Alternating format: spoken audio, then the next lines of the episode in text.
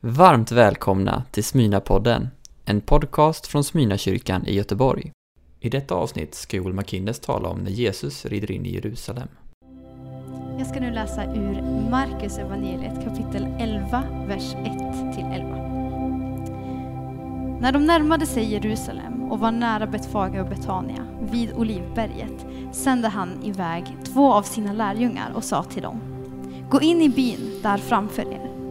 Så snart ni kommer in i den ska ni finna ett åsneföl som står bundet och som ännu ingen har suttit på. Ta loss det och led det hit. Och om någon frågar er varför ni gör så ska ni svara, Herren behöver det. Och han skickar strax hit det igen. De gav sig iväg och fann ett åsneföl ute på gatan, bundet vid en port, och de lossade det. Några av dem som stod där sa till dem, vad gör ni? Tar ni loss fölet? Lärjungarna svarade som Jesus hade sagt och man lät dem gå. De ledde fölet till Jesus och la sina mantlar på det och han satt upp. Många bredde ut sina mantlar på vägen och andra strödde kvistar som de skar ut på fälten. Och de som gick före och de som följde efter ropade Hosianna, välsignad är han som kommer i Herrens namn. Välsignat är vår fader Davids rike som kommer. Hosianna i höjden. Så kom han in i Jerusalem och in på tempelplatsen. Han såg sig omkring överallt och eftersom timmen redan var sen gick han ut till Betania med de tolv. Låt oss be. Fader, vi tackar dig här. du är god. Vi tackar dig att du är med oss Herre och vi tackar att du har sänt din heliga Ande som gör att även om vi kanske inte sitter i samma rum så är vi närmare än kött och blod för vi delar en och samma helig Ande Herre. Och jag ber nu att du ska få uppenbara din son för oss, för de som inte känner honom alls och för de som redan känner honom så ber vi att du bara uppenbarar mer och mer av din son och vi får drabbas mer av vem du är och vilken kung du är. Amen. Amen. Idag är det palmsöndag. Och det är en konstig dag. Det är en märklig söndag. För det är denna söndag som inleder påskveckan och jag har alltid tyckt att det varit en lite oklar känsla över hur ska man känna på palmsöndagen? Vissa dagar är mycket mer självklara. Ta långfredagen där vi minns Jesu död. Det finns en, en naturlig dämpad känsla där vi minns lidandet. Och sen kommer vi till söndagen där det är mer jubel och fest för, för Jesus har triumferat över döden. Men palmsöndagen är en mer oklar och märklig dag. För när Jesus rider in i Jerusalem så är det fest och jubel, men det är också någonting som är lite off och någonting som är lite märkligt. Och den som känner till berättelsen vet att det är märkligt för att Jesus är på väg till korset. Han är på väg mot sin död. Och folket som jublar har ingen aning om detta. Så det lämnar en lite med märkliga förvirrade känslor. Vad är det vi ska känna denna dagen? Det finns en dubbelhet som jag tror det är, det är meningen att vi ska känna lite när vi hör denna berättelsen. Och det är denna berättelse jag vill guida er igenom. För om du är uppvuxen i kyrkan så, så har du nog hört den här berättelsen om och om igen.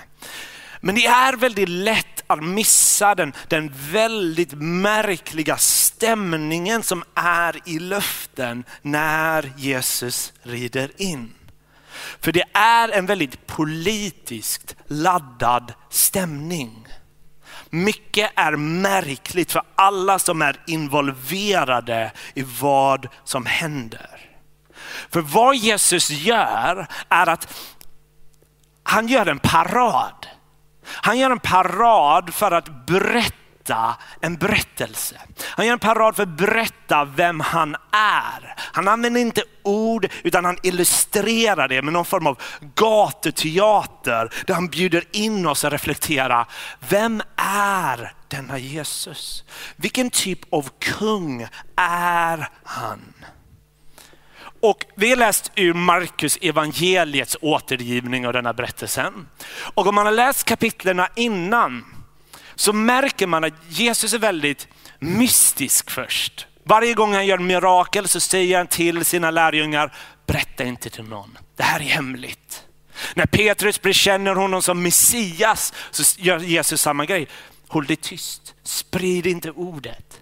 Men när vi kommer till palmsöndagen, när Jesus kommer till Jerusalem, då verkar Jesus ha helt andra bud. Han är mer, låt oss sätta igång en parad.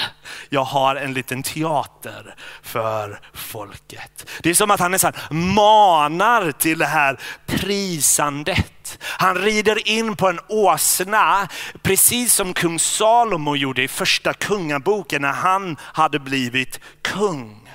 Och han rider mot Jerusalems tempel.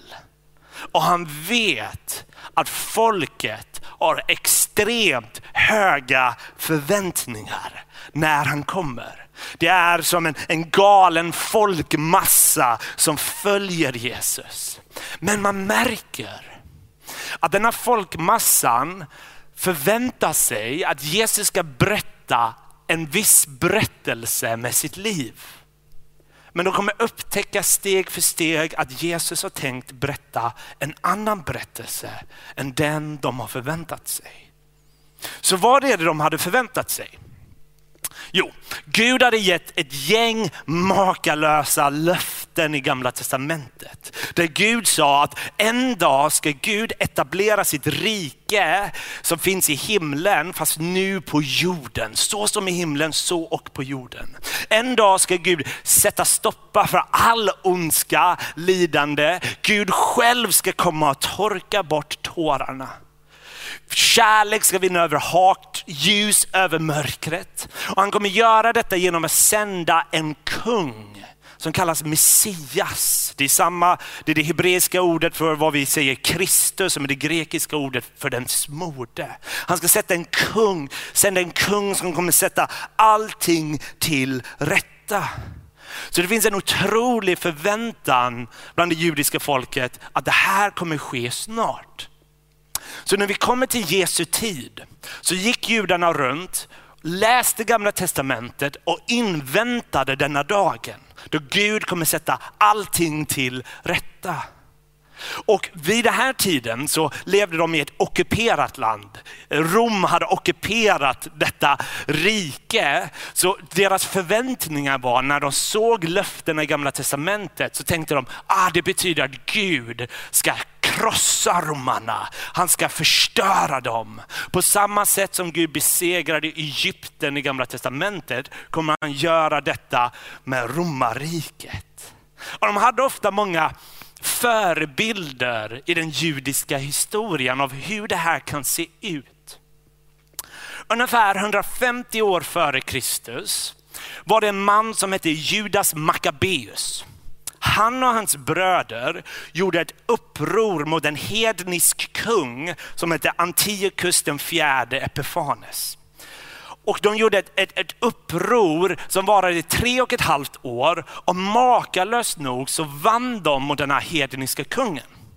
Så vid ett tillfälle när Judas Maccabeus rider in i Jerusalem så välkomnar alla honom med palmblad.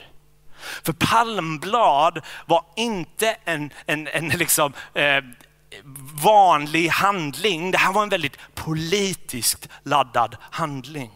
Som israeliterna kopplade till sitt liksom, nationella hopp. Lite som att vi kanske tar en flagga och, och, och, och, att svinga en flagga vid rätt tillfälle är en väldigt politiskt laddad handling. Så vad judarna hoppades på var att ah, de har hört rykten om denna Jesus. Han gör otroliga mirakel, otroliga under. Det här måste vara Messias. Tänk om han kommer göra liknande saker som Judas Maccabeus fast mycket större. Tänk om han kan besegra och krossa romarriket. Och när Jesus kommer så är det den judiska påsken. Det, det är smockat på gatorna. Judar från hela världen hade åkt till Jerusalem för att minnas vad Gud hade gjort förut. Hur Gud hade befriat Israel från Egypten. Och när de hör att Jesus är på väg till templet måste de tänkt, är det nu det sker? Är det nu det äntligen händer? Så de ropar Hosianna som betyder rädda oss, rädda oss. Men slutet av texten vi hörde läsas händer någonting obegripligt. Någonting så antiklimax. Det står så här i vers 11. Och när han hade sett på allt vände han tillbaka till Betania med de tolv eftersom det redan var sent. Hör ni vad det står? Alltså Jesus rider till templet och alla tänker, nu händer det, nu går löftena igenom. Och det står att Jesus kollade lite runt, kände det blev lite sent, jag går hem och lägger mig. Vilket antiklimax. Vad är det som händer? Jo, Jesus håller på att visa dem någonting. Han håller på att lära dem någonting med sin lilla gatuteater. Där han vill visa dem vilken typ av kung han verkligen är. Att han är inte den här politiska liksom, Maccabeus-räddaren som de har hoppats på. Han kommer med mycket bättre nyheter. Han har kommit, inte för att ta andras liv, utan ge sitt liv för att rädda människor. Så när han rider in på åsnan så vet han vad han gör. Han påminner judarna om en löfte i gamla testamentet. Om en kommande kung som ska komma på en åsna. Så här står det i Sakarja 9 Eh, en profetia om Jesus där det står så här. Fröjda dig storligen du Sions dotter. Höj jubelrop du Jerusalems dotter. Se, din konung kommer till dig, rättfärdig och segerrik är han. Han kommer ödmjuk, ridande på en åsna, men åsninnans föl. Jag ska utrota vagnar ur Efraim och hästar ur Jerusalem. Stridens bågar ska utrotas och han ska tala frid till hedna folken. Hans herravälde ska nå från hav till hav och från floden in till jordens yttersta gräns. Jesus är den efterlängtade ödmjuke kungen. Han har inte kommit för att ta hedningarna, romarnas liv. Han har kommit för att förklara fred, som det står i texten. Han har kommit för att ge sitt liv och rädda de förlorade han kommer med ett annat rike som inte är av denna världen. Och detta rike kommer inte spridas som normala riken, för de har en väldigt annorlunda kung. Kung Jesus. Han kommer inte med bågar eller andra vapen. Han kommer och ger av sig själv.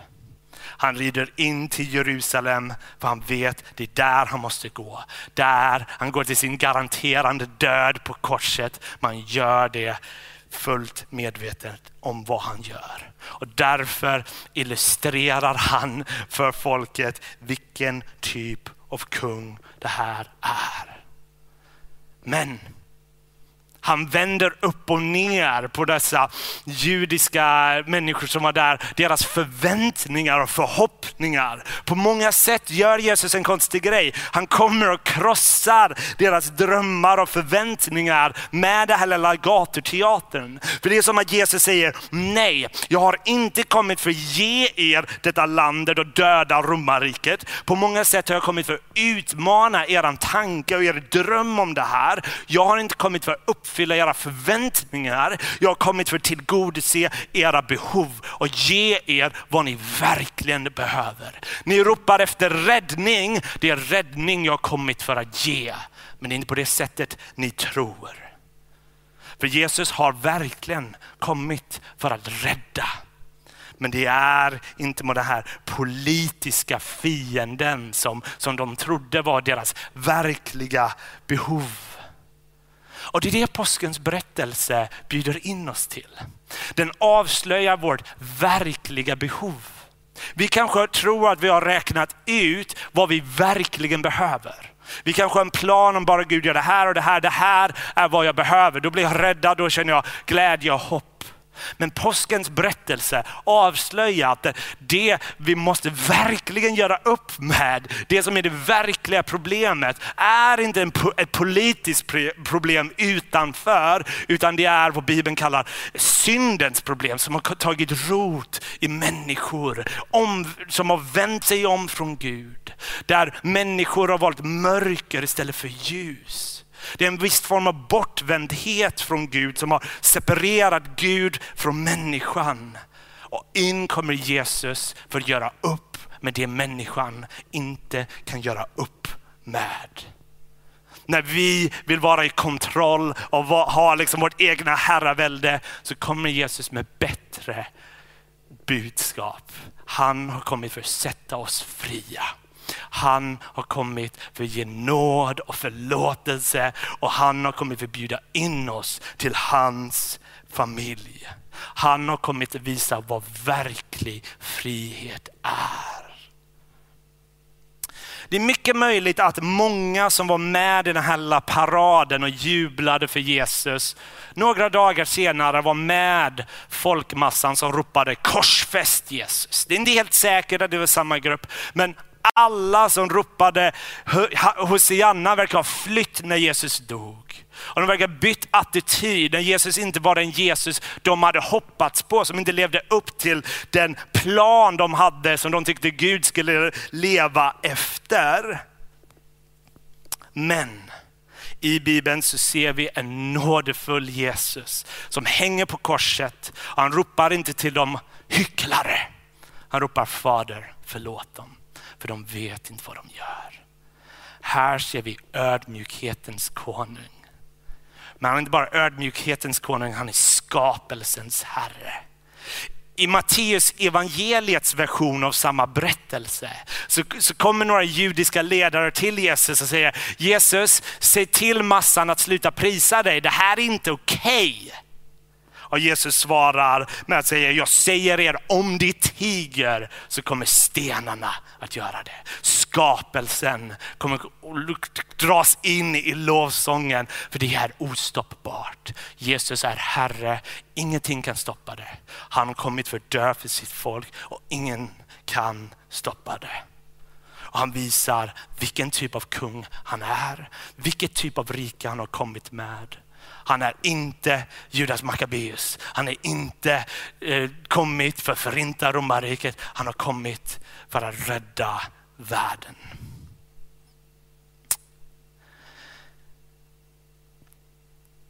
Jag tror att Jesus utmanar inte bara folket där för 2000 år sedan, men även oss. Där vi har vissa drömmar och visioner som vi tycker Gud ska anpassa sig efter. Men plötsligt kommer Jesus och vänder saker upp och ner. Och vid första anblick kanske det här jag säger inte verkar goda nyheter. Att Jesus inte kommit för att uppfylla våra drömmar, utan jag, det låter som jag säger, han kommer för att krossa dem. Och det går emot väldigt mycket vardagens liksom, psykologi, där allt handlar om liksom, dröm stort, lev ut dina drömmar så får du det här blomstrande livet. Och missförstå mig inte nu. Drömmar kan vara vackert. Drömmar kan vara från Gud. Kreativitet är en gåva från Gud. Stora visioner av, av livet kan vara någonting vackert som är kopplat till Guds rike.